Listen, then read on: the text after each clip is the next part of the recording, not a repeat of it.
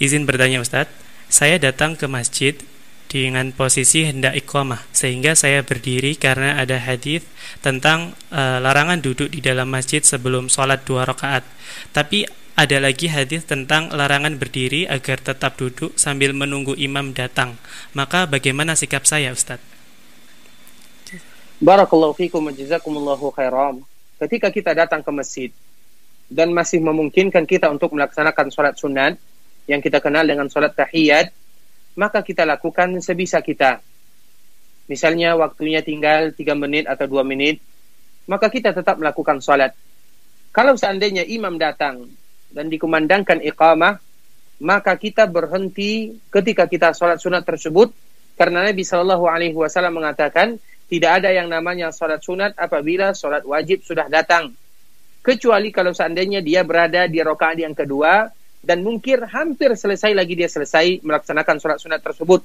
Seperti ketika dia misalnya sedang sujud kemudian uh, dia tinggal tahiyat lagi maka dia mungkin bisa menyelesaikan sholat sunat tersebut. Namun apabila dia berada di rakaat pertama kemudian iqamah sudah dikumandangkan maka dia menyelesaikan sholat sunatnya dengan salam seperti biasa yaitu salam ke kanan dan salam ke kiri. Karena sebagaimana hadis yang disebutkan oleh Ali bin Abi Thalib bahwa salat tersebut karena dimulai dengan takbiratul ihram dan diakhiri dengan salam dan kita dihitung sebagai orang yang melakukan salat walaupun tidak sempurna kita melakukan salat. Namun kalau seandainya betul-betul orang sudah iqamah, orang sudah iqamah dan tunggu menunggu imam saja, maka kewajiban kita tidak melakukan salat tahiyat. Kenapa demikian?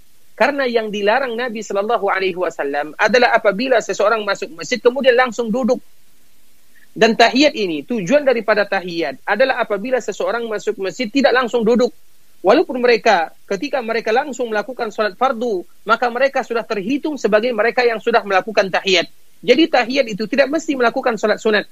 Misalnya kita datang ke rumah Allah Subhanahu wa taala di waktu zuhur. Kemudian ketika kita datang, maka imam masuk dan iqamah dikumandangkan. Kemudian kita pun mengatur saf. Kemudian ketika kita mengatur saf, kita ikuti imam, maka kita sudah dikatakan tahiyat. Karena pertama kali kita masuk ke masjid, kita sudah melakukan salat, walaupun itu salat fardu.